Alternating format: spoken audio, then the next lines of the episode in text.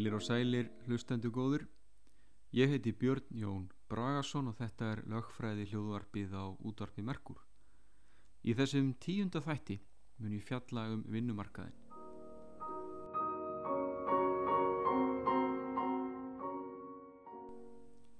Í vinnurétti er fjallað um, um þær réttar reglur sem gilda á vinnumarkaði. Annars vegar fjallar vinnuréttur um réttindi og skildur aðila á vinnumarkaði, ráningar, samninga og tólkun á þeim og hins vegar um samskipti aðila á vinnumarkaði. Um stjættarfélag er félag sem er stopnað til að gæta hagsmuna launþega, engum gagvart viðsemjandum þeirra á vinnumarkaði. Félagar í stjættafélagum eru einstaklingar sem hafa lífsvið væri sitt af störfum fyrir tiltekin vinnuveitanda og þykja laun fyrir vinnu sína. Stjættarfélag geta verið landsfélag eða svæðisbundin og almennt eru þau einnig bundin við ákveðnar starfskreinar. Stjættarfélag geta bundist samtökum, ímist svæðisbundnum eða landssamtökum. Landssambönd stjættarfélaga saminast síðan í Alþýðusambandi Íslands sem er skamst af ASI en þau eru stærstu launþega samtök á Íslandi. Stjættafjölug eiga að vera opinn öllum í hlutaðegandi starfskrein á viðkomandi félagsvæði samkvæmt að nánar ákveðnum reglum í samþygtum félagana.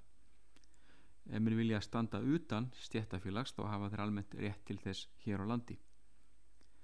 Stjættafélög eru lögformlegur viðsemjandi um kaup og kjör félagsmanna sinna. Samningar einstakra launþega við atvinnreikundur eru ógildir að svo miklu leiti sem þeir fara í báa við kjarasamninga og gildir þá einu hvort launamaður sé félagsmaður í stjættarfélagi eður ei.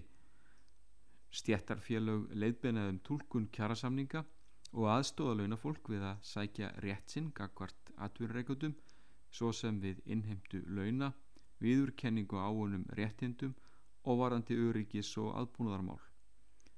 Þau leiðbena og aðstóða félagsmenn sína í samskiptum við ofenbærar stofnanir á sviði vinnumarkasmála svo sem atvinnuleysis tryggingasjóð, fæðingarólásjóð og ábyrðarsjóð launa. Á vegum stjættarfélagana eru reknir sjúkrasjóðir sem veita markháttuð réttindi meðal annars með greiðslu dagpenninga þegar félagsmenn veikjast eða lenda í slísum.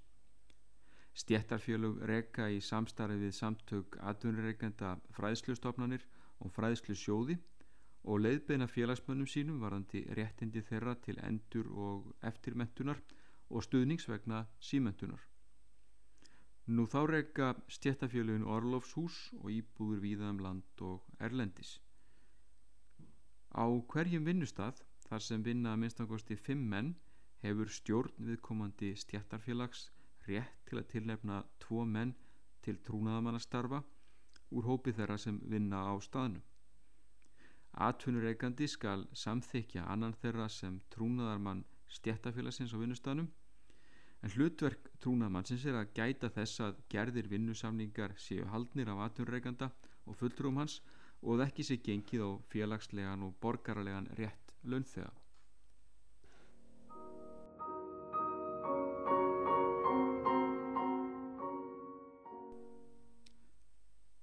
Alþýðu samband Ísland sem áður var nefnt var stopnað 1916 og er stærsta fjöldarhefing launafólks í landinu.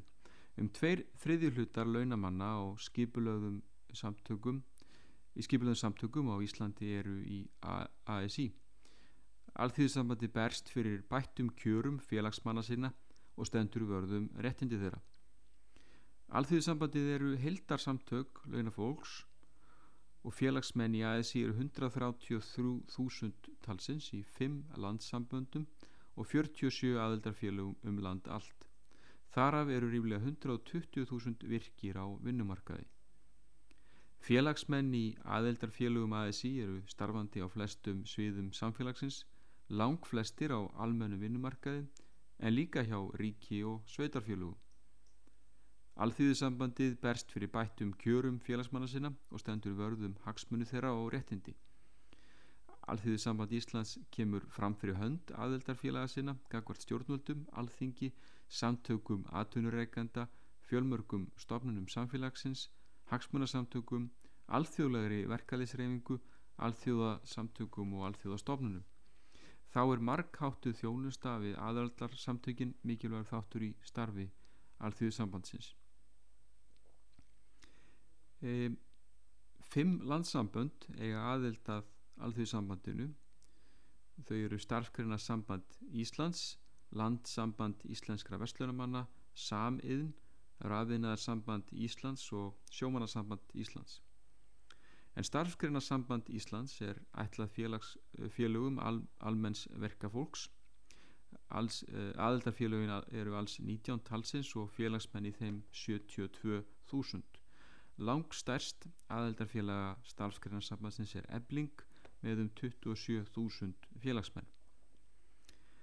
Landsamband Íslenskra Vestlunamanna hefur þann tilgang að vera málsvari verslunar og skrifstofufólks viðsvörulandið. Aðeldarfélög þess sambands eru tíu talsins og Vaffer er þeirra langstærst með 30.000 félagsmenn. Samtals eiga um 38.000 félagsmenn aðeldað Landsamband Íslenskra Vestlunamanna. Samiðn er landsamband fagfólks í yðnaði. Þar eru byggingarmenn, málmiðnaðamenn, bíliðnaðamenn, netagerðamenn, gardirkjumenn og hálgriðslufólk. Í sambandinu eru 12 félög og deildir og félagsmennum 7500 talsins. RAF yðnaðarsamband Íslands er landsamband stjættafélaga RAF yðnaðamanna. Í félaginu eru nýju aðaldafélög. Í sambandinu eru þeir sem starfa í RAF yðnaðar geiranum hvort sem þeir hafa löggilt sveinspróf eða ekki. Heildarfjöldi félagsmanna er um 6200. Sjómanna samband Íslands hefur þann tilgang að vinna baráttumálum sem tengjast kjörum og réttundum sjómanna. Alls er um 1800 félagsmenn í sjómannasambandinu.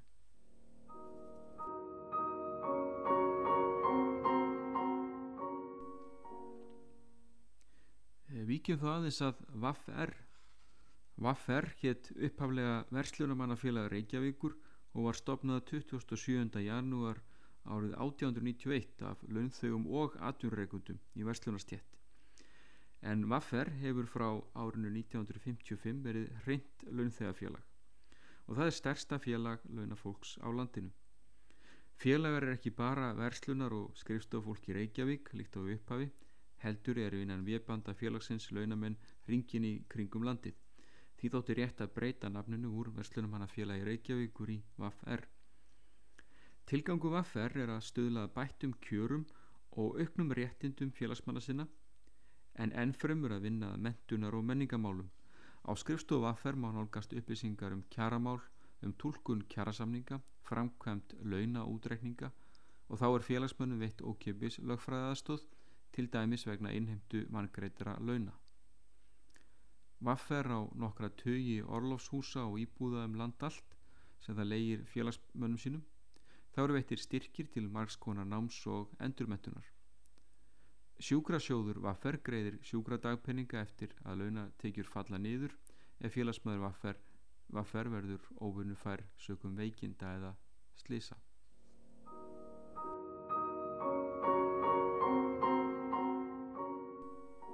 Ég hef hér á undan talað um stjættarfélög á hennum almenna vinnumarkaði en vikjum þá að uh, ofinbörum starfsmönnum.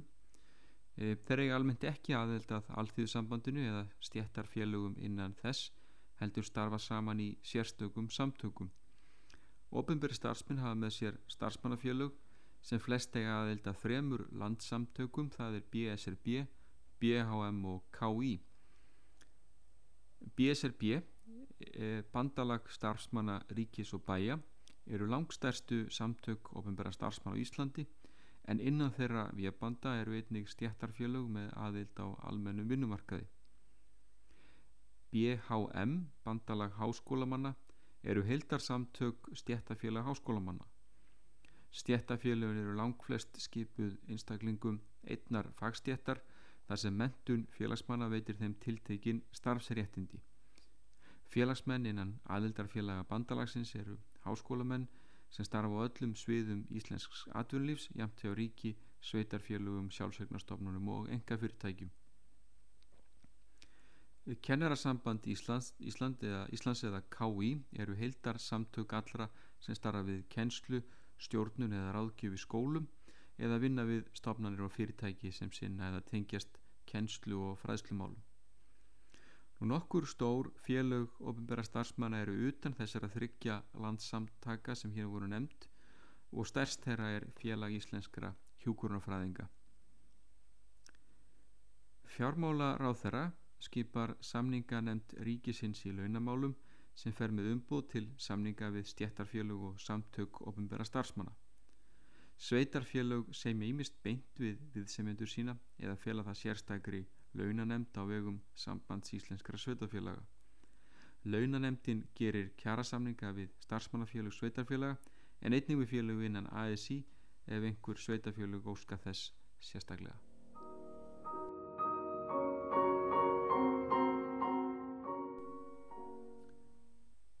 Þá er rauðin komin að félögum vinnuveitenda og fyrst byrja nefna viðskiptaráð Íslands sem áður hétt Verslunaráð Íslands. Það var stofnað 1917. Það eru frjáls heldarsamtök fyrirtækja og einstaklinga í öllum greinum viðskiptalífsins. Þar á meðal má nefna smásöluverslanir, lánastofnanir, skipafélög, ferðaskrifstofur, yðnfyrirtæki, flugfélög, umbóðs- og heldverslanir og tryggingafélög. Algengast er að einstaklinga fyrirtæki og félög eigi beina aðelda ráðunu en einnig geta landsamtök, félagsamtök og sérgreina félög átt aðeld bæði fyrir hönd félaga sinna og einnig sem sjálfstæðir aðelar. Viðskiptar á Íslands beiti sér óskipt fyrir hagsmunum allra þeirra sem stunda viðskipti og má segja að það sé eitt öflugast að tæki viðskiptarlífsins í baráttunni fyrir úrbótum á almennu rekstrarum hverju fyrirtækja og bættum starfskilurðum. Ráðið er málsvari fyrirtæki á einstaklinga, gagvart í ofinbera, lögjafanum og stjórnvöldum og í því hlutverki kemur það meðal annars eh, fram sem umsagnar aðili um lagasetningu á sviði efnahags og viðskiptamála. Jafnframt hefur viðskiptaráðið margsinnis átt frumkvæði að lagabótum. Samtök atvinnulífsins, skamstafað SA, eru hildar samtök íslenskra vinnuveitenda. Þau voru stopnuð árið 1999 við samruna vinnuveitenda sambands Íslands, Vaffesi, og vinnumála sambands samfunnufélagana.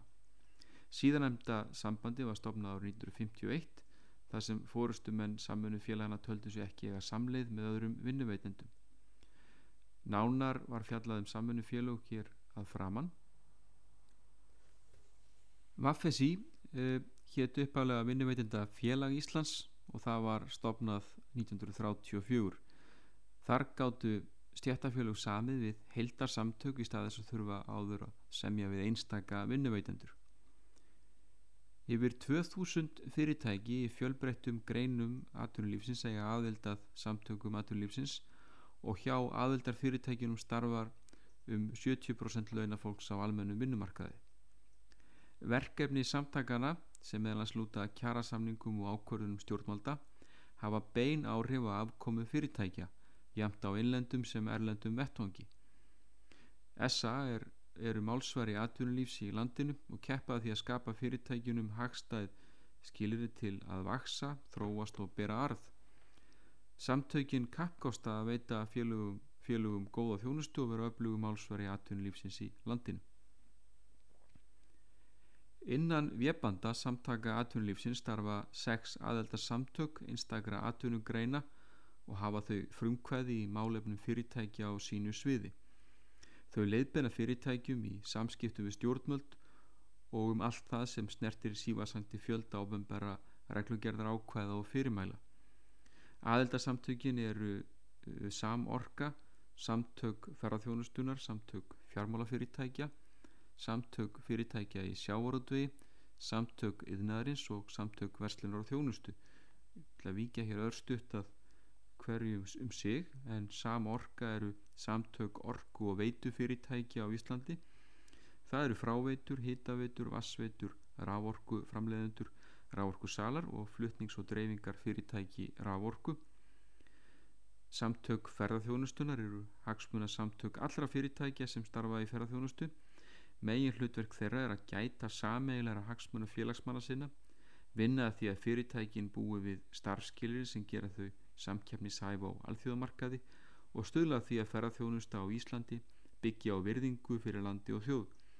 Einan viðbanda samtaka ferðarþjónustunar eru flugfjölug, ferðarskrifstór, gististadir, veitingahús, bílalegur, hópifriða fyrirtæki, aðþreyingar fyrirtæki, svo önnur fyrirtæki sem telja sig til ferðarþjónustu fyrirtækja.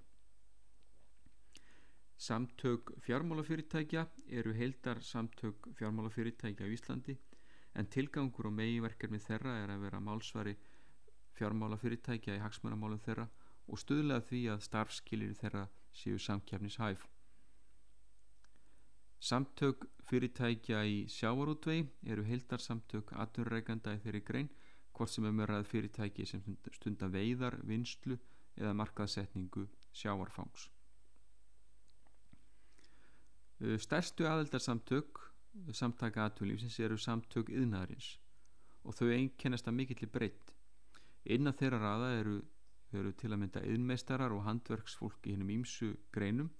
Það eru líka fyrirtæki verksmiðiðnaði og byggingaverktakar, jarðvinni fyrirtæki, tölvu og hugbúnaði fyrirtæki flókin tæknifyrirtæki, matvæla og drikjarvöru framleiðendur, prentsmiður og efnaðinaður stór, og stórfyrirtæki, í, í stór, stór yðjufyrirtæki og svo nokkuð sér nefnt. Að lokum er það samtök verslunar og þjónustu en það eru heildar samtök fyrirtækja í þeim greinum. Öll fyrirtæki í þjónustu og verslun geta gengið í þau samtök og notið þjónustu þeirra. Þá er ótalið uh, félag aðunreikanda en uh, það geta áður félag íslenskara stórkaupmanna og var stofnun í 1928 nú er um 180 fyrirtæki aðilar að félaginu. Flest eru í sjálfstæðum rekstri sem einkennist ofta því að eigandur reyka þau, þau sjálf sjálfur uh, félag aðunreikanda eru hagsmunarsamtök lítilla sem stóra fyrirtækja í inn- og útlutningi heildsölu og smásölu. Félag atverðreikanda getur hagsmuna aðeldar fyrirtækja sinna með því að vera framvörður heilbriðra verslunaráta sem tryggir réttlátar leikreglur í samkeppni og eflir hag viðskipta og verslunar á Íslandi. Félag atverðreikanda og samtök atverðlífsins eru einu samtökin sem gera kjærasamninga við stjættafélug. Þá uh, skal hér nefna Kaupmannasamtök Íslands sem þau voru stofnum 1950 sem samtök kaupmanna í smásölu. Starfsemið þeirra var breytt árið 1999 við stofnun samtaka verslunar og þjónustu þannig að kaupmannasamtökin annars nú aðeins eigna umsýslu.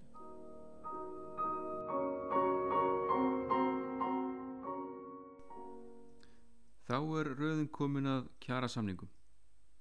En það er á valdi aðurreikanda hvort hann ræður einstakling til vinnu. Hann verður ekki þvingað til að ráða fólk í vinnu sem hann vill ekki að vinni fyrir sig. Hann verður þó að hlýta ákvörnum reglum í því sambandi sem ráðast að lögum og kjærasamningum. Kjærasamningur er samningu milli stjættarfélags annarsvegar og atvinnureikanda félags eða sambands atvinnureikanda hinsvegar um kaup og kjör. Samningurinn er til allra þeirra launamanna sem vinna á félagssvæði viðkomandi stjættarfélags og kjærasamningur skal vera skriflugur. Aðalatriði hvers kjærasamnings lúta að ákvæðum um laun og hefjast flesti kjærasamningar á þeim ákvæðum. Sá hluti kjærasamningsins sem eh, er líka, þetta er líka sá hluti kjærasamningsins sem mest er notaður og ofta spreytt frá einum samningi til annars. Auk þess að hveða um laun er fjallaðum önnur einstaklingsbundin réttindi launamann í kjærasamningi svo sem vinnu tíma, yfirvinnu, orlof, veikindarétt, matur og kaffilje fæðis og flutningskostnað, uppsagnarfresti, aðbúnað vinnustad, greiðslur í sjúkra, orláfs og lífyrirsjóði og fleiri atriði er snert að kjör launamanna. Stjættarfélögin geta einveri aðilara kjara samningi fyrir hönd launafólks samkvæmt lögum. Ekki er fyrir að fara samverlu ákveði um aturreikundur og geta því einstakir aturreikundur sem og félög þeirra eða sambönd verið samningsaðilar. Stjættafjölun geta hins vegar falið landsambandi, svæðasambandi eða heildarsamtökum umbúð til samningskjörðar, svo sem algengt er. Kjarasamningur nær til allra launamanna sem vinna á félagssvæði viðkomandi stjættafélags eins og áður kom fram hvort sem þeir eru í því eða ekki kjærasamningur er lámarksamningur sem þýðir að samningar um lakar í kjör en hvað er á um í kjærasamningir ógildir í kjærasamningum hafa stjættafélug samið um það við vinnuveitundur að félagsmönu þeirra sé tryggður forgangur til vinnu hjá þeim vinnuveitendum sem við er samið á sama hátt skuldbynda félögum sig til að oft til að láta viðsemendur sína sitja fyrir um vinnu félagsmanna sinna eða þeir megi ekki vinna hjá öðrum vinnuveitendum en viðsemendum stjættafélagsins. Slík ákvæði er í langflestum kjærasamningum. Og aturreikanda er skilta virða jafnbrettis ákvæði við ráðningar í störf. Nú félagsdómur er sér dómstóli vinnumarkasmálum í málum sem rýsa vegna tólkunar og brota á kjærasamningum og brota á lögum um stjættafélag og vinnutilur en varandi félagsdóm þá vísa ég til þeirra umfjöllunar sem gefa með hann í þriðja þætti þessar þáttaraðar. Kjærasamningar hveða á um flest það sem við kemur réttindum launafólks. Löggefin hefur sett reglur á þessu sviði og í því sam sambandi má nefna lögnúmer 19 frá 1979 um rétt verkafólks til uppsagnarfrests frá störfum og til launa vegna sjúkdóma og slisaforfalla. Nú lögum nr. 129 frá 1997 um skildutryggingu lífeyrisréttinda og starfsemi lífeyrissjóða og lög nr. 88 frá 2003 um ábyrðasjóð launa vegna gjaldtrótt og eru þá ótalin lögum um stjættafjöla vinnudeilur sem áður voru nefnd. Nú megin tilgangur vinnulaggefarinnar er að tryggja að umhverfi á vinnustaf sé sem best og að starfsmenniti njóti fulla vernd gegn líkamlegum og andlegum skada vegna aðstæðina. Laugin gerir ráð fyrir samvinnu starfsmanna og vinnuveitanda í þessum efnum en megin ábyrðin kvílur þó að herðum vinnuveitandans. Laugin gera kröfur um ástand, bæði framlegslu tækjana og þess húsnæði sem hýsir starfsemina. Þau kveða á um hvernig bera umgangast hættulegu efni, hvernig lýsingu á vinnustanum skulu háttað, loftræstingu og fleira. Fjölda ákvað er að finna í lögunum um aðstæður á vinnustæð. Á öllum smerri vinnustöðum skal aturreikandi stuðlaða góðum aðbúnaði í nánu samstarfi við starfsmenn og félagslegan trúnaðamann þeirra. En í fyrirtækjum eh, sem, þar sem 10-50 starfsmenn vinna skal aturreikandi tilnefna öryggisvörð og starfsmenn skulu tilnefna öryggis trúnaðamann úr sínum hópi. Vinnu eftirlit ríkisins sér um að gildandi reglum sé framfyllt. Helsta skilda sérkver starfsmanns er að vinna þau störf sem hann er ráðin til og ber honum að hlýða lögmætum skipunum aturreikanda. Starfsmann skal rækja starfsitt þannig að viðunandi teljist miða við aldur, mentun og reynslu hans og þjálfun.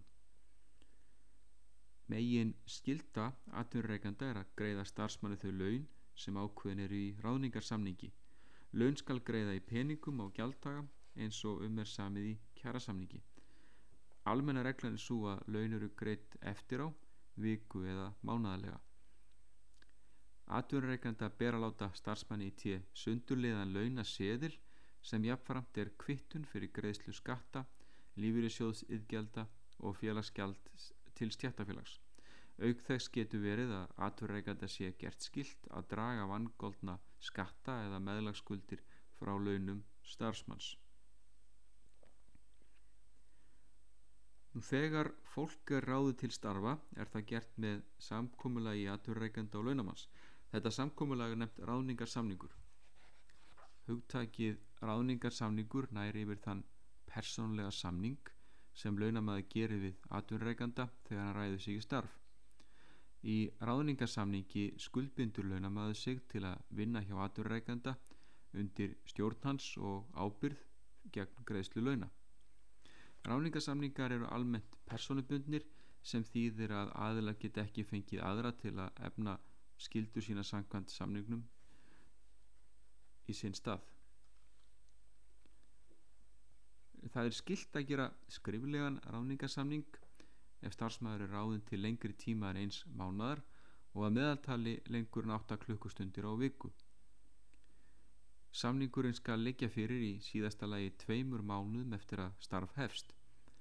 Í ráningarsamningum uh, samningnum ber vinnuveitanda að gefa ákveðnar upplýsingar meðal annars um titil, stöðu, eðli og tegund starf sem starfsmæður er ráðin í eða stutta útlistun eða lýsingu á starfinu.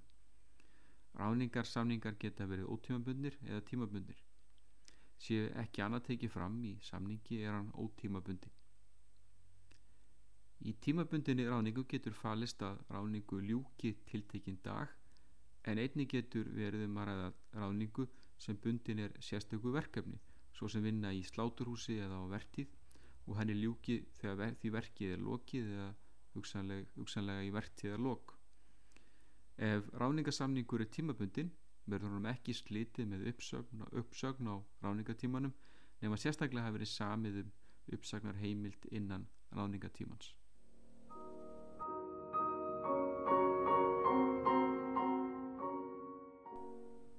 Þá er rauðin komin að uppsögn en eh, uppsögn skal vera skrifleg og hún miðast við mánaðamót. Hvað ofinbera starfsmenn snertir gildir uppsögn frá, þó frá uppsagna degi. Það, þar sem þessum ákveð eru gagkvæm gildir þetta hvort sem aturreikandi segir einstaklingi upp eða einstaklingurinn segir sjálfur upp. Uppsagnar bref skal vera þannig úr gardi gert að ekki valdi miskilningi hver uppsagnar frestur er og hvena ráningar slit skuli verða. Lámarks uppsagnarfrestur er einn mánuður eftir eins árs samfelt starf hjá sama vinnuveitanda, tveir mánuður eftir þryggjára samfelt starf og þrýr mánuður eftir fimm ára samfelta ráningu eða lengri. Sé ekki kjærasamningi tekið fram að uppsagnir skuli miðast við mánaðamót er ekki hægt að láta þá reglu gilda um uppsagnir á fyrsta ári. Ímsar Undantekningar eru á gagkvæmum rétti til uppsagnar, engum að því er varða rétt aturreikandans til að segja starfsmann upp, til dæmis trúnaðamönnum, barsafandi konum og fóröldrum í fæðingarólofi. Oppenbörum starfsmanni sem skipaði hefur verið í starfsitt verður ekki viki úr því nema að hann hafi gert segur um áverðingar í starfi. Almennt þarf ekki að tilgreina ástæði fyrir uppsögn á almennu vinnumarkaði en sé vafi á um að aturreikandi hafi rétt til að segja starfsmann upp til dæmis ef um trúnaðar mann er að ræða ber honum að sína fram á að tílefni hafi verið fyrir uppsögninni. Ástæður uppsögnar kunna einnig að hafa áhrif á rétt manna til aturleysinsbóta Nú aturreikanda er heimilt að reka mann úr starfi. Almenn skilir því brottrekstrar og að tjóða brottrekstur er ekki samu uppsögn Eh, almenn skilir því brottrekstrar eru þau að, eru að vanemdir eh, starfsmanns á ráningasamningi séu verulegar. Annarkvort vegna stórkostlegs skáleysis svo sem að starfsmöður mætir ekkit í starfa ræki störsinn með ofullnægandi hætti eða gerist brotlegur í starfi. Atvinnureikandi verður að hafa ámynd starfsmann og sínt fram á að sakir séu til staðar og ber að sanna það. Gerður ríkari kröfur um vanemdir hér en almennt er gert í samningaretti þar sem fyrirvaralös uppsög getur valdið mikill röskun á lífi launamanns. Launþegar og sjálfstætt starfandi einstaklingar sem verða aturnlausir eiga rétt á aturnlausisbótum uppfyllir þeir skiliði laganúmer 54 og 2006 um aturnleysistryggingar. Helstu skilir þess að fá aturnleysispætur er að henni aturnleysi sjórðin 18 ára og yngri en 70 úr. Hann þarf að vera búsettur hér á landi eða hafa fengið leifi til atvinnuleitar á Európska efnaðarsvæðin. Hann þarf að hafa á síðustu tól mánuðum unnið í að minnst okkarstu tíu vikur með að við fullt starf en hlutfastlega lengri tíma ef um er ræða hlutastarf. Við upphaf bótatímabils þarf hann að hafa verið skráður atvinnulegs í þrjá daga samfleitt og síðast en ekki síst þarf hinn atvinnulegs að vera reyðubúin að ráða sig til almennra starfa. Atvinnleysisbætur eru greitar fyrir alla daga nema laugardaga og sunnudaga á hverju bótatímabili. Ef bótaþegi fær tilfallandi vinnu skerðast bæturnar í samræði við, þann fjölda vinnustunda. Mánadalega verður hinn atvinnleysi að staðfesta atvinnuleit sína. Nú bótatímabilið er að hámarki þrjú ár. Tryggingasjóður sjálfstætt starfandi einstaklinga tryggir atvinnlýsisbætur til þeirra sem ekki eru launþegar í þjónustu annara. Hér getur verið um að ræða sjálfstætt starfandi vörubifræðastjóra, bændur og ímsa aðra. Nánar er kveða um aturleysistryggingar uh, þessara hópa í lögum um tryggingasjóðin en það, er, það eru lögum um 46 frá árið 1997.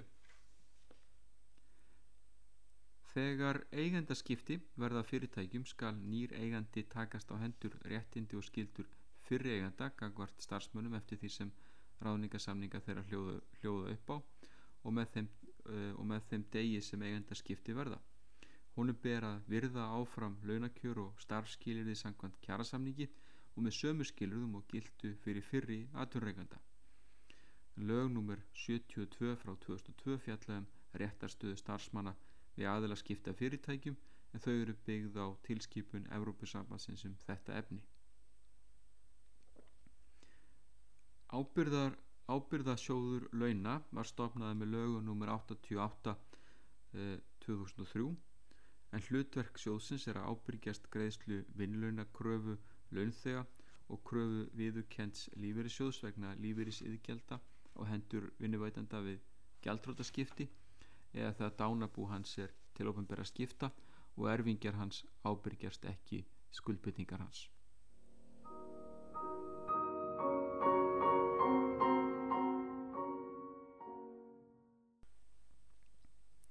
Sankvæmt eh, lögu nr. 88 frá 1971 er vinnuvikan hér á landi 40 stundir. Að jafnaði 8 klukkustundir í dagvinni og degi hverjum frá mánudegi til föstudags. Lögin gera ráð fyrir að hægt sé að semja um annan hátt tilflutning 8 klukkustunda vinnudags milli daga og jafnvel árstíma ef slíkt hefur tíðkast áður. Venjulega hefst vinnutími þegar starfsmaða mætir á vinnustad og líkur þegar hann yfirgefur vinnustadi lok vinnudags. Í kjærasamningi er þó hægt að skipa þessum öðrum hætti til dæmis þannig að starfsmæði vinni heima hluta starfstímans. Þá er 30 minútna matarli og kaffilli hluti af vinnudeginum. Yfirvinna telst svo vinna sem aðili vinnur frá mánudegi til föstudags utan tilskilins 8 klukkustunda vinnudags á dagvinnu tímanbili eins og það er skilgreint í viðkomandi kjærasamningi vinni aðili vaktavinnu er yfirvinna svo sem uh, svo vinna sem vinnin er umfram um samtar vaktir þótt aðili hef ég störf eftir hádegi og hafi þannig einungis unnið fjóra klukkustundir klukkan 17.00 hefst yfirvinna hjá viðkomandi klukkan 17.00 Samkvæmt orlofslögum nr. 30 frá 1987 skal orlof vera tveir dagar fyrir hvern unnin mánuð á síðasta orlofsári og reknast halvur mánuður eða meira, heil mánuður eða skemmri tími telst ekki með. E, það telst vinnutími, samkvæmt greinni, þótt maður sé frá vinnu vegna veikind eða slisa meðan hann fær greitt kaup eða hann er í orlofi. Sunnudagar og aðri helgidagar teljast ekki orlofsdagar, nýja heldur fyrstu fimm laugardagar í orlofi. Þannig er lámarks orlof 24 dagar ári. Hins vegar viða í kjærasamningum að finna ákveðum betri orlofsrétt. Orlof skal veitti einu lagi á tímabilinu frá öðrum mæ til 15. september. Atvinnureikandi á að verða við óskum launþega sem hvenar orlof skuli tekið að svo miklu leiti sem umt er það það er und vegna starfseminar. Heimilt er vegna sérstakra aðstæðna í fyrirtæki að fara fram á það við starfsmann að hann taki ekki allt orlof á þessum tíma þó aldrei minna en 14 daga. Komið slík ósk fram hjá vinnuveitenda bætist fjörðungur ofan á það orlof sem tekið er utan orlofstíma. Þegar starfsfólk er frá vinnu vegna sjúkdóm eða slisa á það í flestum tilvökum rétt á greiðslu launa í ákveðin tíma. Mismunandi reglu gilda eftir starfshópum, bæði samkvæmt lögum og kjærasamlögum. Í almannatryggingalögum er meðalans hveða um slísatryggingar sem taka til slísa við vinnu. Sjúkrakostnaður vegna vinnuslýsa greiðist af sjúkratryggingum Íslands. Ef slísið veldur sjúkleika og vinnutjóni í minst tíu daga skal að fullu greiða læknishjálp, sjúkrahúsvist, liv og umbúðir, gerfi limi eða svipu hjálpartæki, gerfi tennur sjúkraflutninga með flugvél eða sjúkrabíl fyrst eftir slís. Slísapeningar eru greitir vegna tímabundinar örorku frá 8. degi hafi hinn slasaði verið óvunni færi minnst 10 daga. Dagpenningar greiðast mest í 52 vikur. Ef örorka er varaleg þá skal hún metin af trygginga yfir lækni. Ekki eru greitar örorkubætur fyrir örorku sem er minni en 10%. Við 75% örorku er greitur uh, fullur örorku lífurir mánaðlega sem er óháður öðrum tekjum bótaþega. Ef slísveldur dauða innan tveggja ára skal greiða dánarbætur. Bæturnar eru greitar maka eða sambúðaraðila í 8 ár og falla ekki niður þó stofna sétti hjúskapar að nýju. Barnalífurir greiðist með börnum upp að 18 ára aldri.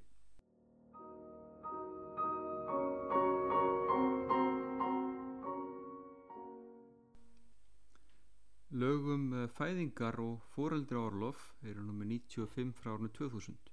Þau gera nú ráð fyrir samtals tíu mánada tekjutengdu tekju, tekju orlofu foreldra Rétt til launa í fæðingarólofi eiga fóreldrar sem hafa verið samfelt í 6 mánuða vinnumarkaði fyrir upphafstag fæðingarólofs.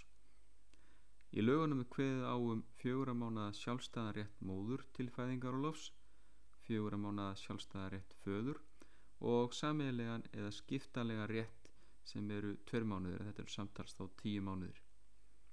Sjálfstæðarétturinn er ekki framseglanlegur og fellur niður síðan ekki nýttur.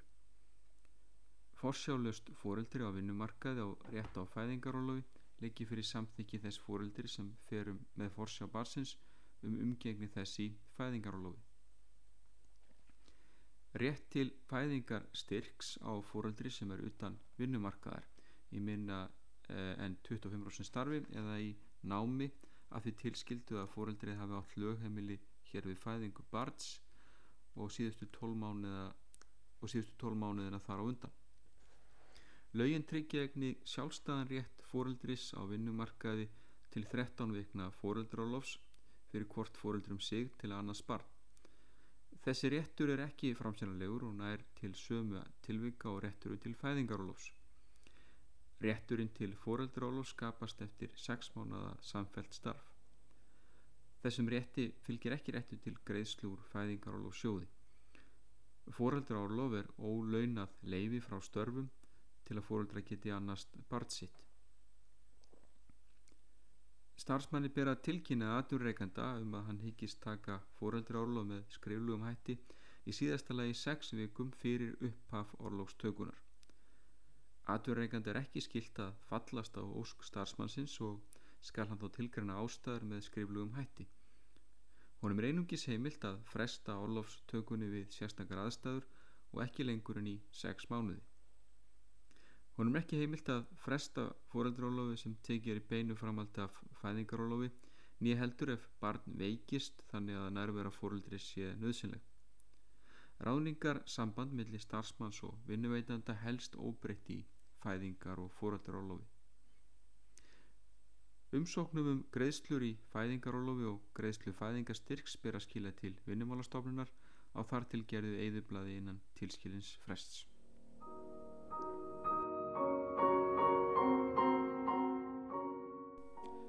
Ísland er aðilega sáttmála alþjóða vinnumálastofnunarinnar um sömu laun fyrir jafn verðmæta og sambærlega vinnu.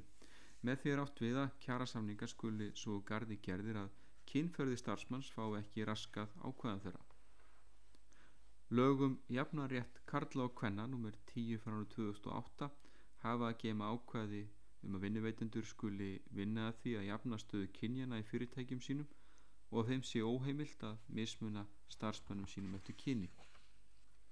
Jafnbretti stofa er sérstök ríkistofnun sem heyrir undir félagsmálaráðunitið og hefur eftirlit með því að lögunum sé framfyllt.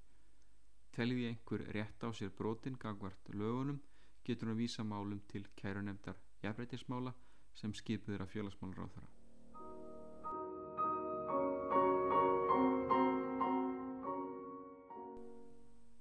Íslenska lífeyriskerfið er byggt upp af þremur megin stóðum. Það er almannatryggingum, lífeyrissjóðum og frjálsum einstaklingsböndum lífeyrissparnaði. Með lögum nr. 129 frá 1997 er um skildutryggingu lífeyrisréttinda og starfsemi lífeyrissjóða er öllum launamönnum og þeim sem stunda atvinnurekstur eða sjálfstæða starfsemi gert skilt að tryggja sér lífeyrisréttindi með aðeld að lífeyrissjóði frá 16 ára aldri til 70. Um lífeyrissjóð starfsmanna ríkisins skilda lög nr. 1 frá 1997. Hér er átt við aðra meginstóðina sem var getið um hérna framann, þar að segja lífeyrissjóðina. Yðgjald til öflunar, öflunar lífeyrisréttinda er ákveði sérlögum, kjærasamningi eða ráningasamningi. Lámarks yðgjald til lífeyrissjóð skal vera 15,5% af launum eða þóknun fyrir störf sem skattskildi eru samkvæmt lögum um tekju og egnaskatt. Launþau greiði 4% af heildalunum sínum í lífeyrissjóð en launagreðandi greiðir 11,5% af heildalunum launþega.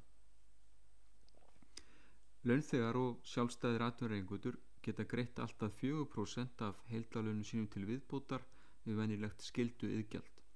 Sá spartnaður kallast viðbótar lífeyri spartnaður og er einn besta leiðin til spartnaðar.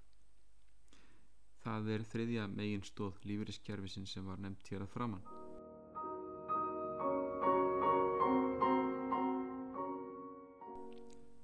Viðbótar lífeyri spartnaðin er hægt að nýta til uh, til að auðvelda kaupa á fyrstu íbúð. Gott er að byrja að snemma með viðbótar lífeyris barnað skildu lífeyris réttindin í samtryggingar sjóðum erfast ekki en þar veita tryggingu til ævilangs lífeyris auk örorku, maka og barnalífeyris.